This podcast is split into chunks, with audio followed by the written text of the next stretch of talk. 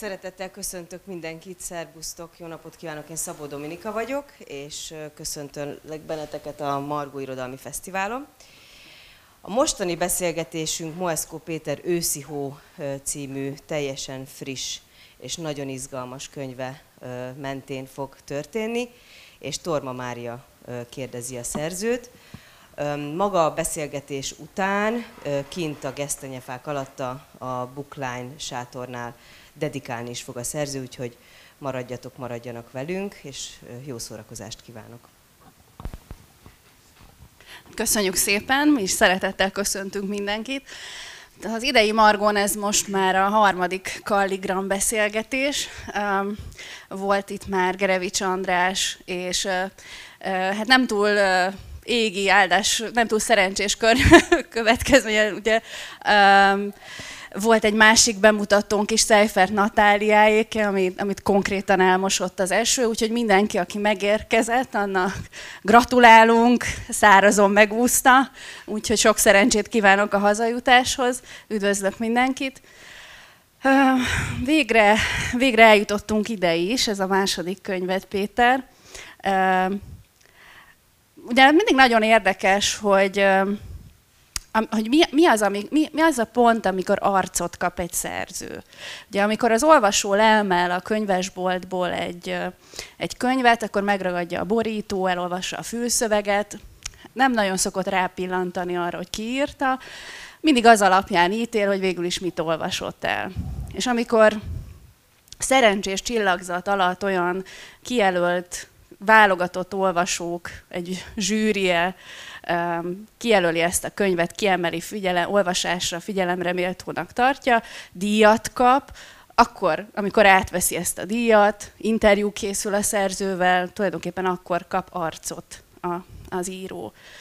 És ilyenkor ugye megalkotódik valamiképp a fejünkben egy, egy képzelt kép arról, hogy milyen is lehet ez az író, de a te fejedben van-e arról kialakult kép, hogy az a bizonyos olvasó milyen, amikor aki leemeli majd, vagy leemeli már, hiszen egy hónapja van polcon a könyv, az őszi hót?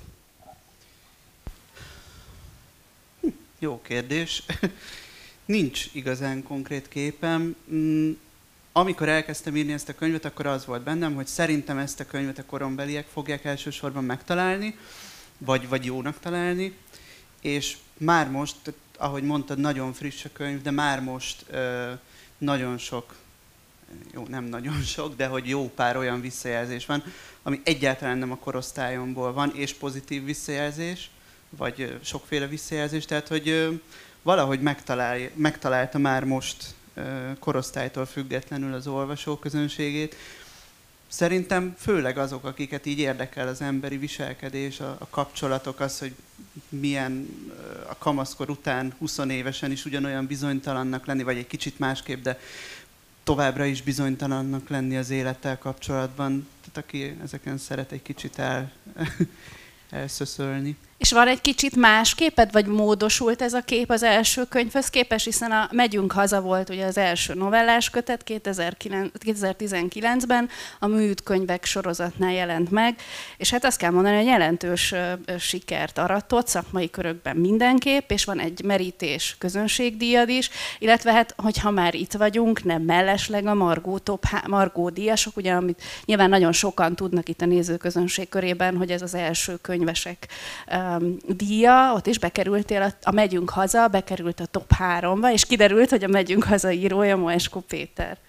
Tehát van valami különbség, érzel már bármi különbséget a tekintetben, hogy a Megyünk Haza, ami ami novellás kötet, sok különböző társadalmi helyben, életszituációban, fordulóponton álló szereplők, tehát egy, egy nagyobb szereplőgárdának a, az egymás mellé fűzött története. Ehhez képest most a főszereplőink, ez egy regény már, majd beszélünk, hogy milyen regény, milyen uh, csalfinta fordulatokkal tükröződik a novella forma is ezért ebben a regényben.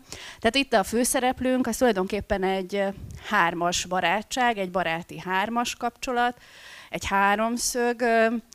Eltekintetben éreztél-e, vagy, vagy szándékoltál-e arra, hogy, hogy hogy az olvasó dolgát valamennyire megkönnyíti az, hogy itt három főszereplőnek a fordulópontjait és élettörténetét kell végigkövetni.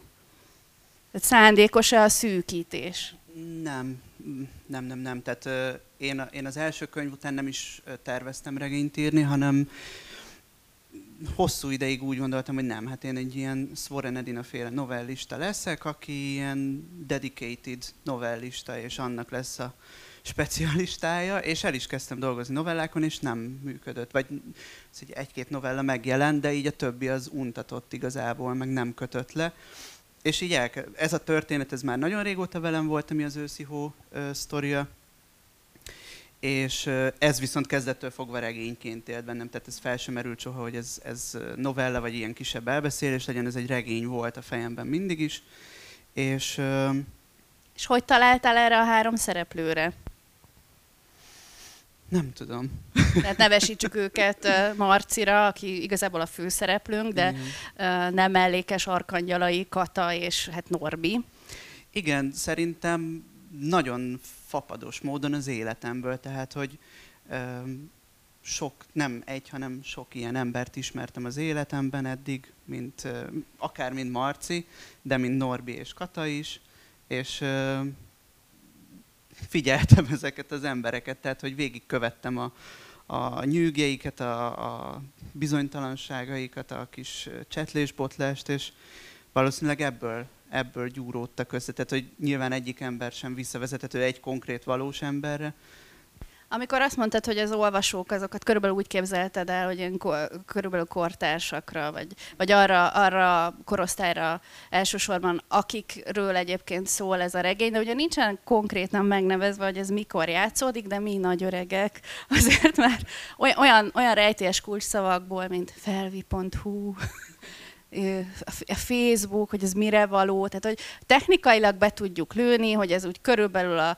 Én 2007-ben kezdtem az egyetemet, te ugye 90-ben születtél Esztergomban, tehát akkor te körülbelül 2008-2009 környékén kezdted az egyetemet, és én konkrétan emlékszem arra az időszakra, amikor ezt beszéltük is a szerkesztés közben, talán Schmid Robi nevét sokan ismerik, és én a Schmid Robi miatt jelentkeztem fel a Facebookra, mert valaki mondta, hogy egy annyira komoly ilyen kvízeket lehet kitölteni, és kitöltheted, és, és, ki, és hogy, hogy melyik eltés tanár, melyik tanár vagy az eltéről, és a Schmid Robinak kijött, hogy Kulcsár Szabó. Nem mondom, mert ez nem véletlen, vagy ugye melyik azóta és hát mondom, ezt ki kell deríteni, hogy én melyik vagyok, és akkor tudom, hogy én azzal a híve jelentkeztem föl, hogy én nehogy már csak az irodalom képviseltesse magát, én a nyelvész tanszéknek is csinálok egy ilyen kvíz. Félre a, a saját referenciás, meg kit érdekel. Szóval számomra nyilván azért, mert én ilyen értelemben is kortárs olvasója vagyok, hát én nagyon imádtam. Tehát az, hogy technikailag, amikor a Marci megkapja, vagy kisírja az első okos telefonját, hogy, az, hogy vissza tudunk helyezkedni kicsit abba az időszakba, amikor úristen mekkora volt, hogy egy telefon fényképez, és hogy az egyre jobb felvételeket készít. Mennyire akartad, ez még nem a mi időnk, senki ne ijedjen meg. Kértem, hogy a vége előtt öt percen mindenképp jelezzenek, mert szeretünk sokat beszélni, de ugye nem ilyen gyorsan telik az idő. Szóval nem, nem határozod meg, hogy ez mikor játszódik, de következtethetünk rá, mennyire szándékosan éltél ezzel a, az, e, a technológia fejlődésének a jelzéseivel, vagy ez egyszerűen nem, lehet, nem játszódhatott máskor, mint ezekben a 2010-es évek előtti pár évben. Hát egyébként játszódhatott volna máskor, tehát hogy szerintem a, ilyen dramaturgiai szerepe azért talán nincsen, de nekem nagyon fontos volt, mert tök érdekes szerintem, ahogy ott pár év alatt nagyon gyorsan, nagyon sok minden megváltozik, akár csak az, hogy hogyan is kommunikálunk, és szerintem ez a három szereplő, a három főszereplőnek a, a viszonyrendszerét is nagyon nagyban befolyásolja, hogy hogyan alakul át hármójuk között a kommunikáció. Amúgy is átalakulna, mert hogy zajlik az élet, történnek dolgok, és másfelé sodródnak, de hogy ez a, ez a technológiai, tényleg pár év alatt végbe menő ö, előre, vagy nem tudom merre lépés, ez nagyon még tovább alakítja ennek a, ennek a dinamikáját. Tehát nekem ez, talán dramaturgiai szempontja nincsen, de majd, hogy nem van számomra. Hát oké, nagyon, majd meglátjuk, hogy a kritikusok mit látnak bele, de azért javaslom azt, hogy tehát azért mégiscsak egy fejlődés történetről beszélünk, egy olyan fiúval a középpontban, de mind a hármójuk életében ez uh, igazából erre tulajdonképpen igaz, hogy egyrészt nem csak az, hogy uh, éppen ki milyen szituációból érkezik az egyetemre, hanem egyáltalán ez az életkorszak, amíg az ember 18 évesen leteszi az érettségit, és lakóhelyet vált. Ugye ez egy nagyon-nagyon fontos hármójukat, de egyébként a, a kollégium más lakóit is összekötő, összekötő élmény, de akár nem tudom, hogy a nézőközönségben ki hova ment egyetemre, és mennyire tudott távol kerülni a szülőkről, de azt hiszem mindannyian úgy emlékszünk erre vissza, hogy tabula ráza. Tehát akkor most az leszek, akinek képzeltem magam az elmúlt négy évben. De hát Norbit meg Marcit még inkább összeköti, hiszen ez nekik már a második költözés, és ami nekem különösen tetszett, hogy annak a, annak a rétegzése, hogy lakóhelyeket váltunk folyamatosan ebben a regényben, tehát ugye az sincs konkrétan megnevezve, talán a főváros, az, meg az írók boltja nincs megnevezve, de azért tudjuk, hogy az írók boltjában van az első jelenet, majd, ebből, majd erre más szempontból visszatérünk.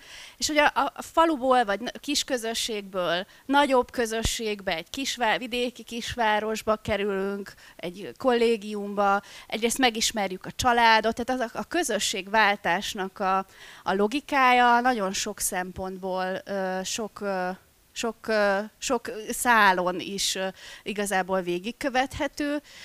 Számodra mennyire mennyire akartál vidéki kisvárosi milliót írni?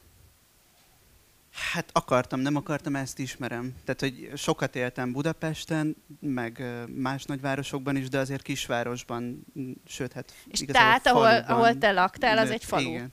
hát laksz? most már nem, nem, nem. Az, az oda van már... még bejelentve, ez tegnap vagy tegnap előtt ki is derült. nem, tehát az most már város, de hát jellegében falu a mai napig, ugye Esztergom mellett. És hát én ebben nőttem föl, én ezt ismerem, vagy ezt ismerem jobban. És talán fontos volt, igen, hogy, hogy mind a három szereplő azért valahonnan e, ilyen kisebb térségből jöjjön, eltérő háttérből, de hogy azért hasonló millióből. Igen, meg hogy a közösségre találásnak tulajdonképpen minden szintjében járunk, hiszen megismerjük az egyes családokat. Ugye a tabu kérdése nagyon sok szempont, nagyon sok szempontból döngeti a tabut ez a regény. Abban megállapodtunk, hogy nem fogunk spoilerezni, úgyhogy muszáj lesz elolvasni ezt a regényt, hogy minden pikáns részlettel tisztában legyen az olvasó. De annyit elmondhatunk, hogy tehát az, hogy például egy családban milyen tabuk vannak, vagy hogy milyen határátlépések vannak, hogy például a Norbi, hogy, hogy mi, mi meglátjuk azt, hogy például a Marci, akit egyébként mersz nagyon idegesítőnek írni, ezért lássuk be, ez, ez, egy, ez egy komoly bátorság egy írótól, hogy kifejezetten irritáló tud lenni szegény Marci. Ez nyilván a kor sajátja is, tehát ez a kicsit ilyen későn kamaszodó alkat a, a Marci fiunk. A Norbi, ő meg korán, fel, kor, kor, korán lesz koraérett. És, és aztán szépen az, hogy ki miért ilyen, amilyen, bizonyos helyzetekben milyen, hogyan kötődik, milyen kommunikációs csatornákat választ, mikor mer felvállalni dolgokat, felmere vállalni, felveri, felmerem vállalni olyan bizonytalan dolgokat az életéből, amit, amiről nem biztos, hogy milyen visszacsatolást kap, illetve az a, az a, az a kicsit ez a helyezkedés kényszer is folyamatosan Marci és a főhőseinké, hogy tulajdonképpen akkor én most mit is gondoljak magamról, milyen szeretnék lenni, mit gondolnak majd rólam, és kicsit, mintha ez a mit gondolnak majd rólam, az előrébb járna, mint annak a megalkotása, hogy igazából én mit szeretnék.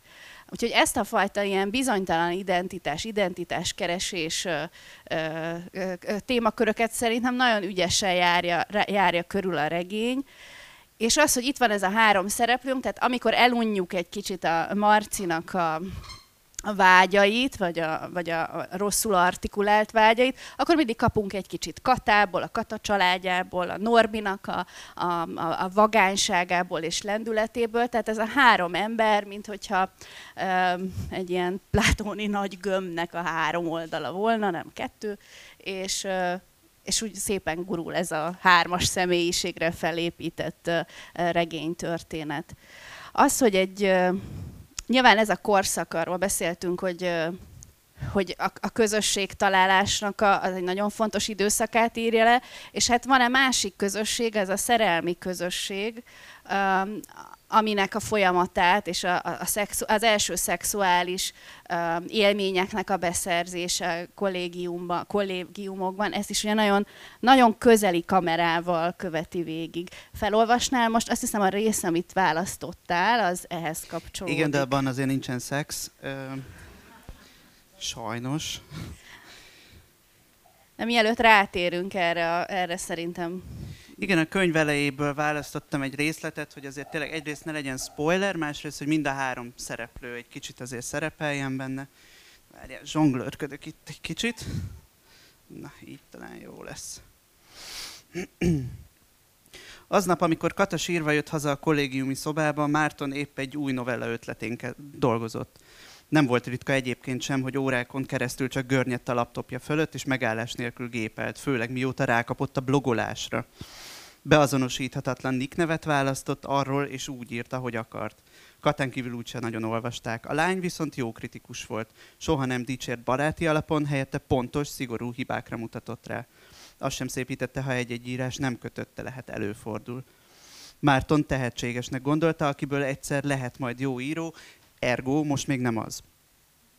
Ahogy nyílt az ajtó, Márton legszívesebben már le is támadta volna a nagy bejelentéssel, hosszabb szövegen kezdett dolgozni, még a regényterjedelem sincs kizárva. De aztán meghallotta a sírást. Visszafogott, csöndes sírás volt, de amint Márton megkérdezte, mi történt, Katából kitört az őszinte bőgés. Úgy, ahogy volt, lerogyott az ajtóban, leült a földre, és nem hisztérikusan, de kiadósan zokogott.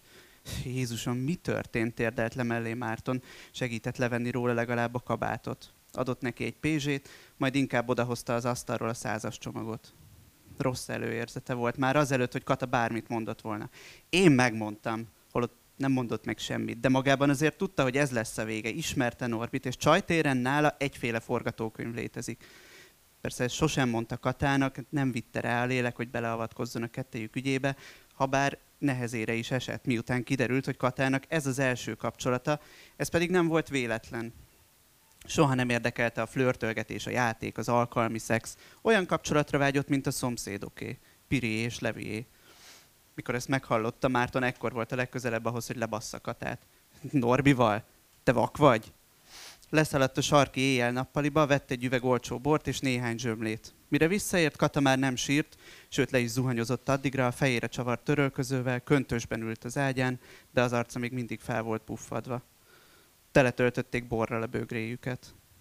Márton dühös volt. Nem értette Norbit, neki is látnia kellett volna, hogy Kata nem az a kaliber. Vagy ennyire érzéketlen fasz lenne, hogy nem tud különbséget tenni. Neki mindegy, csak lyuk legyen rajta. Gyorsan a fejébe szállt a bor, semmit nem evett ebéd óta. Csinált maguknak egy májkrémes szendvicset. Ez nem rólad szól, mondta közben óvatosan. Komolyan.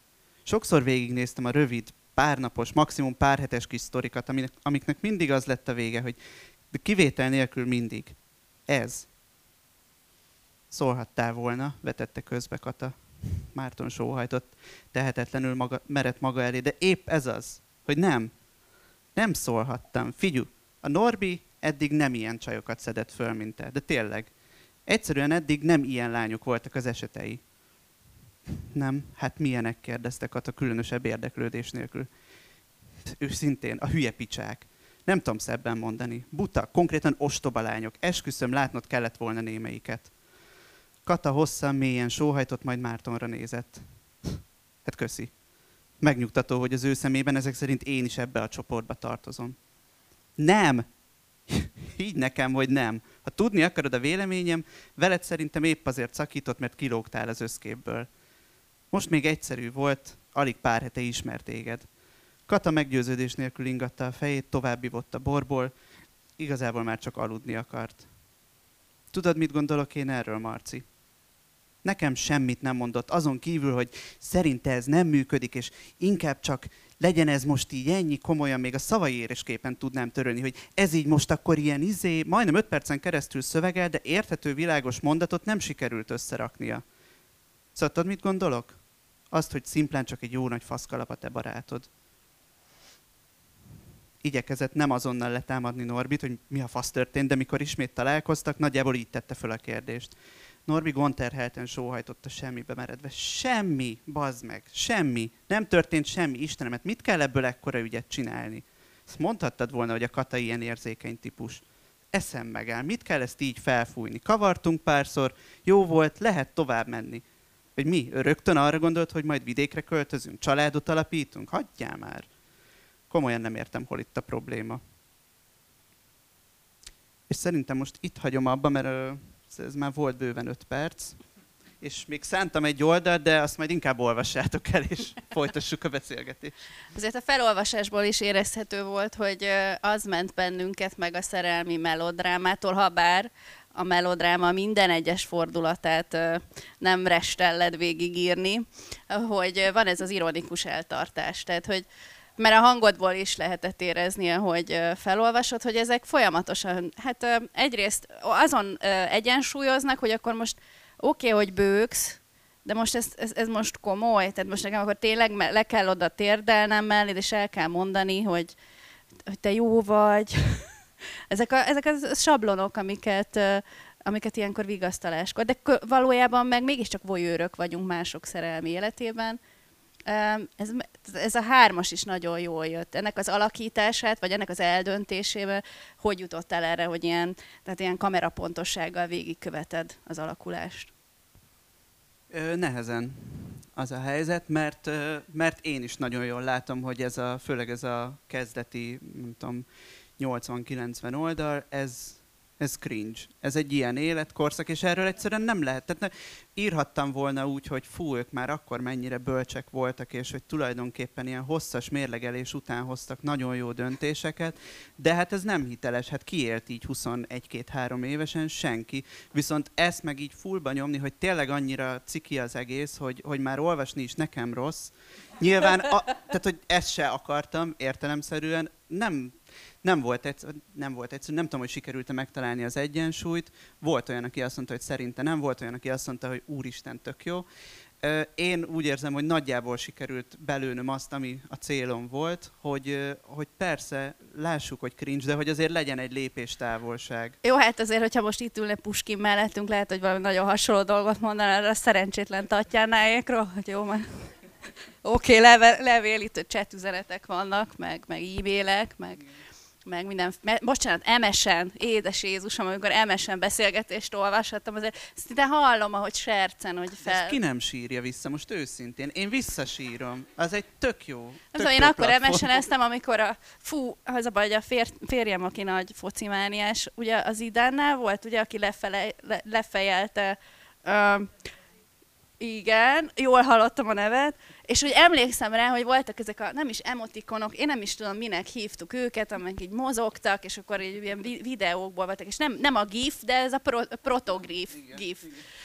Hogy én azt mennyit használtam, úgyhogy azt se tudtam, hogy miről van szó. Tehát, hogy bocsánat, ez megint egy ilyen túl, túlzott visszavágy és nosztalgia, de hogy, hogy hát tényleg ez így kommunikálnak, és azt sejtem, hogy azért ennek a résznek a megírása, ennek a háromszögnek, ennek a baráti közösségnek azért jelentős húzásokkal és vissza, visszaillesztésekkel, és ú, basszus, ez nagyon ciki már ez a fiú, de hát muszáj, hogy az legyen, hagyjuk benne, tehát ez milyen, idő, milyen hosszan írtad ezt a, ezt a regényt, vagy ezt a részt?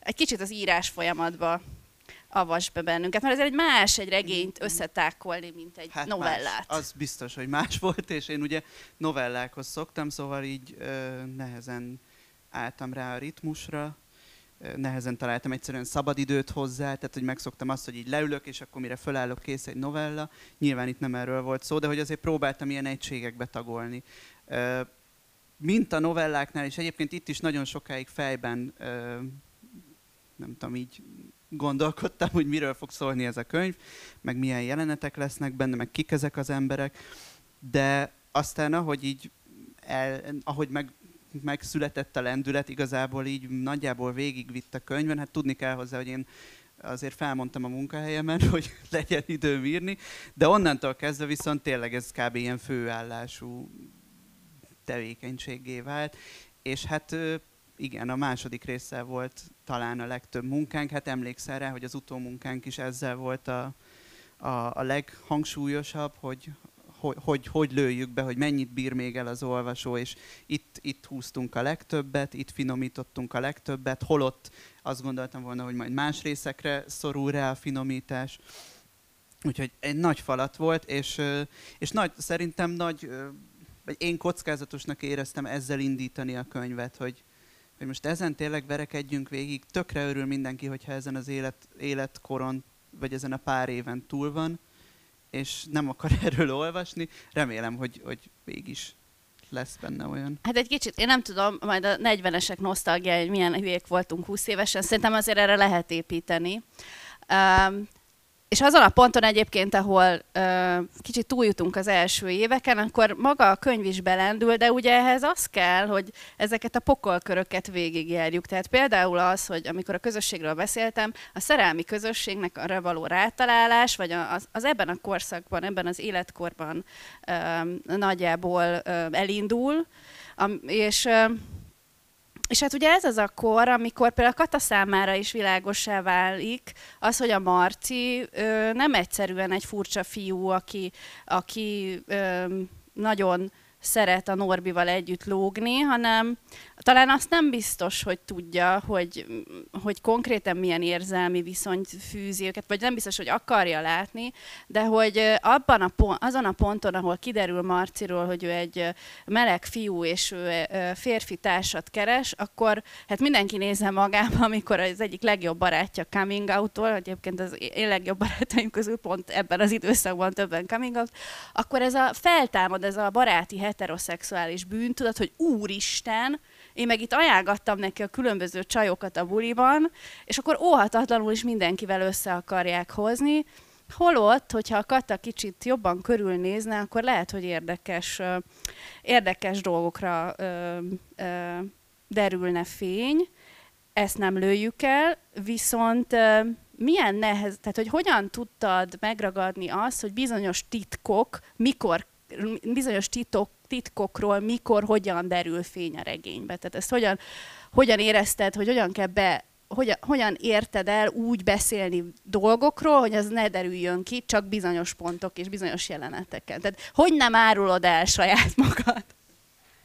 Hát tanultam a saját novelláimból, amit így pont, pont ezért, vagy ezért is dicsértek, hogy fú, mennyire jók benne az elhallgatások.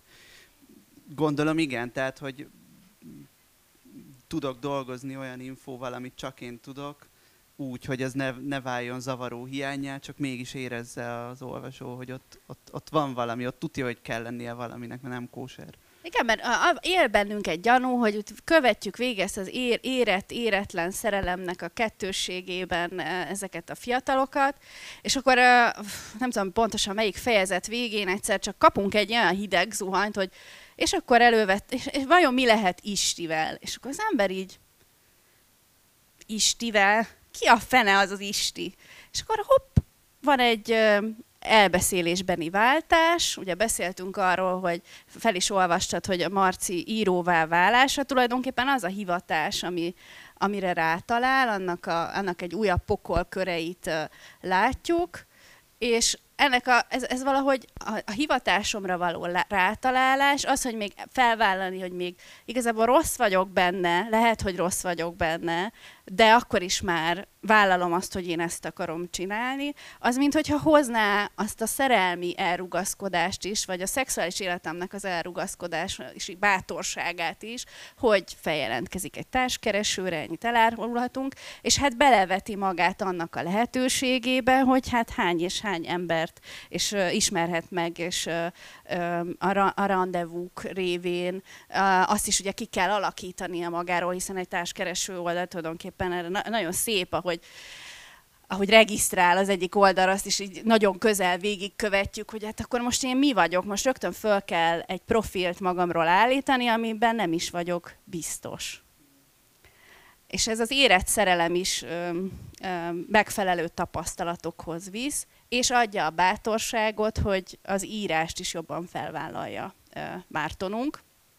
És hát egy újabb kapu nyílik arra, hogy az irodalmi életet egy kis, kisé görbe tükörből ábrázolva um, egy kicsit bele, bele tudjunk lépni az első publikációk időszakába. Azért érdekel engem, hogy te hol publikáltál először, és kicsoda Weber úr és az írott kő, és az írott kő folyóirat. Nyilván nem egy az egyben megfejtéseket szeretnénk, hanem egy kulcsregényt írtál, de nagyon-nagyon hiteles a figuránk. Ö, nincs, a Weberre nincsen. Szerintem van ez az 50, 50 és 60 közötti szerkesztőfaszi sztereotípia, aki, akit így annyira szerintem nem nehéz megrajzolni, mert most nem azt mondom, hogy mindegy forma, de hogy... Kicsit kopaszodik. Kicsit azért, hát meg kicsit egyformán írja a leveleket alá, meg kicsit egyformán bánik a fiatal feltörekvő szerkesztő. Már hogy nem rosszul, csak hogy valamilyen akár ilyen stiláris szinten egyformán bánik, nincsen konkrét ember bennem, Weber Frigyes Neked ki személyében. volt Weber Frigyes? Nekem Weber Frigyesem, ö, nekem a Kabai Lóri volt a Weber Frigyes, mert én a műútban ö, kezdtem el először publikálni. Először a szőrös kőre tippelt. Ugye hát Kabai Lóri, aki ismeri, azt tudja, hogy nem, nem pont olyan, mint a Weber, tehát egy de pont. De, ja. Úgyhogy nekem a műút volt az indulás, és akkor nyilván így a könyv is náluk jelent meg először, vagyis hogy az első könyv, bocsánat, náluk jelent meg. E, igen, és akkor utána jött a többi folyóirat, meg hát nem titok, meg soha nem is titkoltam, hogy én az írók boltjába dolgoztam, tehát azért elég közeli kapcsolatban voltam a többi folyóirattal is, meg kiadókkal, úgyhogy Úgyhogy az irodalmi szocializációd azért ott a Aha. Liszt Ferenc téren ö, bontott szárnyat. Többek között, igen, igen, igen. Ugye a regényünk úgy indul, hogy ezt is talán előhetjük, hiszen elég hamar kiderül, hogy egy könyvemutatón találjuk magunkat, tehát onnan néz, tekintünk visszafelé, hogy Marci végül is meg, meg, meg tudta írni ezt a bizonyos könyvét, vagy egy könyvet tudott írni, ami az, amit az elsőként jelöl ki és kiadták, és hát a könyvemutató utáni pillanatokban, ami hamarosan ránk vár, elmennek és megünneplik. Ugye Marci azért a regény alatt nem rejti véka arra, hogy milyen elvárásai vannak a szerkesztőkkel szemben, úgyhogy amikor én ezt olvastam, akkor egy kicsit a gyomrom összeállt görzsön, hogy ú, szegény Fruzsi, ú, hm, hogy, oku, hogy okuljunk Fruzsi lépéseiből, amit ne kövessünk el a kalligramnál. Tehát, hogy számuk, tehát az, egyrészt nyilván nincs megnevezve az írók boltja, de hát azért következtethető, hogy ez hol, hol játszódik.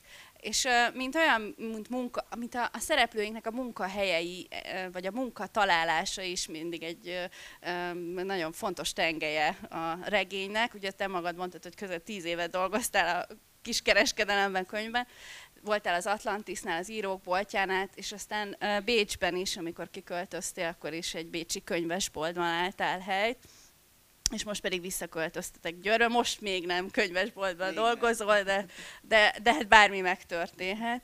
Um, és hogy a szereplőink is egyébként, ami szerintem nagyon jól áll ennek a regénynek, az az, hogy hát igazából olyan alsó közép középosztálybeli gyermekek, akik nem voltak úgy elkényeztetve, hogy ne, ne vették volna alap magatartásnak, hogy, hogy a nyári munkát dolgozni kell, hogy a Tesco-ban kell, kell árut cipelni, és hát ugye a, a nagy szabotőrünk a regényben Norbi, aki aki mindig újabb, meg újabb feladatok és feldolgozandó ötletek elé állítja a kis társaságunkat. Te melyik vagy inkább szerinted, Norbi vagy Marci, ha visszatekintesz erre az időszakodra? És Kata? És ja, Kata és Kata, lehetek? bocsánat. Hát Kata is lehet, bocsánat. Mindhárom szerintem, tehát, hogy, vagy, illetve egyik se. Uh-huh. Nyilván, egyik sem vagyok én, de mindháromban benne vagyok valamilyen formában, szerintem nem nagyon lehet úgy, vagy lehet, hogy lehet, csak nem érdemes, vagy lehet, hogy érdemes, csak én nem tudok úgy írni, hogy, hogy ne legyek benne egyáltalán. Mm, nyilván adja magát, nyilván, hogy Marci, mert hogy tök sok uh, mindenben hasonlít az ő életútja az enyémre, de na, tehát, hogy nem, nagyon sok mindenben meg nem. Uh, sok szempontból inkább Norbiban éreztem magam otthon. Uh, bizonyos jeleneteknél. mindegyikben ott vagyok szerintem valamennyire, meg mindegyikben ott van az életem, meg az emberek, akiket látok magam körül. Hát igen, Kata szorgalmas, hogyha nagyon leegyszerűsítjük, és gondoskodó. Hát meg ilyen józan, ilyen dumper. Tehát igazából, mintha egy személyiségnek a három oldalát látnánk, tehát hogy ez a, ez a fajta összetartozás az, az, az ilyen értelemben is alá van húzva, mm. és van a Marcia bizonytalan, de vágyak, és vágyakozó, és az, aki hirtelen meg tud döbbenteni, hogy egyik pillanatról a másikba stikába igazából merre jár, és hát van a Norbi, aki meg hol eltűnik, és, és megvaló, és a kudarcait szinte be se valva már egy újabb projektben van, amiről utólag tájékoztat. És hát akkor van az ő családi körük, ahol ismét egy ilyen, tulajdonképpen ilyen társadalmi ábrázolás igény is azért felmerül, a fesztiválozó anyuka, vagy a nagy svindlerek, a, a szorgalmasék, akik a Kata családja. Mennyire akartál egyébként, mennyire volt benned az igény, hogy, hogy, a társ, hogy, hogy, hogy, hogy dolgozó embereket írjál meg? Hát így, hogy dolgozó, ez nem, tehát hogy ilyen, ilyen célokat én nem lőttem be, de hogy ilyen... Hát egy irányregény, nem? Mert neki fogtál, és akkor... ja. Hát, hogy hétköznapi emberek, tehát hogy azért a, a, a megyünk hazától nem akartam egy 180 fokos hm. fordulatot venni, és persze sok mindenben különbözik ez a könyv, de hogy azért sok mindenben meg szerintem nem. Tehát, hogy továbbra is hasonló emberek érdekelnek, hasonló problémák, és hát azért az, az kezdettől fogva egyértelmű volt, hogy eleve úgy, úgy terveztem meg ezeket a szereplőket, hogy, hogy a családi háttér az mindvégig ott volt, mert szerintem az is, az is talán egy ilyen választ adhat arra, vagy egy ilyen háttérképet adhat arra, hogy miért, miért vágynak ők ennyire a valahova tartozáshoz, és tulajdonképpen annak ellenére, hogy három tök más emberről van szó, miért találnak mégis egymásra, és miért működik úgy, ahogy, de működik ez a, ez a, ez a kapcsolati háromszög. És a, az emberek közti viszony, érzelmi, fizikális, ö, hierarchikus viszony mindig jobban ér, pszichológikus, mindig jobban érdekel, mint az, hogy mi az a... Tehát az, hogy például mondjuk ö, látleletet adjál a korabeli Magyarországhoz, hiszen igazából rengeteg lehetőséggel lenne ennek a regénynek, hogy hosszan kitérjen például arra, hogy a homoszexualitás elfogadása Magyarországon. Tehát ilyen értelemben egy picit kerek, tehát hogy, hogy a, ilyen értelemben ez a három ember, mint hogy egyébként mindannyian szerintem az egyetem alatt, meg a, kicsit buborékban élünk, hiszen olyan barátokat választunk, akik általában minket elfogadnak. Tehát hogy ilyen értelemben azért elég ideális körülmények közé kerül, és hála Istennek nem, nem, nem választja azt az utat ez a regény, hogy folyamatosan nyomon követi, hogy ebben az időszakban milyen olyan társadalmi közéleti viták, milyen hírek és milyen híresztelések kapnak szárna, vagy milyen a Pride kimondott beszédet, tehát hogy a melegségnek a politikai oldalát, vagy a poli- túlpolitizált oldaláról nem, egyáltalán nem tér ki. Ez mennyire volt elhatároló igényed, vagy, vagy így alakult, hogy, hogy nem, egyszerűen nem érdekel? De, hát magánemberként természetesen, de, de nem illett ebbe a könyvbe. Tehát szerintem ez egy olyan szempontból elég intim történet, hogy azért ez mégiscsak a hármójuk kis, ahogy te is mondtad, buborékjáról szól. Tehát ez, ez tudatos volt, hogy ne, ne, ne legyen egy nagyon-nagyon tág perspektíva, mert szerintem így is elég hosszú a könyv. És, és nem, nem akartam erről írni, úgy voltam vele, hogy aki ezt olvasni fogja, az többnyire képben van, hogy, hogy, hogy mi a stájsz. Másfelől meg azért mégiscsak az, hogy ez a három szereplő mégiscsak valami a, a, a vég szempontjából, a csengés, legcsengés szempontjából mégiscsak egy komoly döntés előtt áll. És e, ebben a tekintetben is az itthon maradni, elmenni, máshol szerencsét próbálni, mellett hoznak fel pro és kontra érveket és hát ugye benne sejlik a, a regényben, hogy e, ez a hármas valamiképpen át kell, hogy alakuljon, ezt most nem fogjuk elárulni, időnk sincs különösen rá, de az, hogy azt hiszem, az valamit elárul, hogy te Bécsből végül is visszatértél Magyarországra. Hát az olvasókra bízom, hogy ezt tovább fűzzék, hogy Marci, Norbi és Kata életében végül milyen döntésre jut ez a hármas. Nagyon szépen köszönöm a beszélgetést, most már Én így köszönöm. az időnk végén, és Péterrel este, most is a, a beszélgetésünk után a dedikáló gesztenye lombok alatt találkozhat az olvasóközönség, illetve a Vörös Marti téren is ma fog dedikálni este hatkor a Kalligram standjára, és mindenkinek köszönöm, aki eljött és beszélgetett velünk. Köszönjük!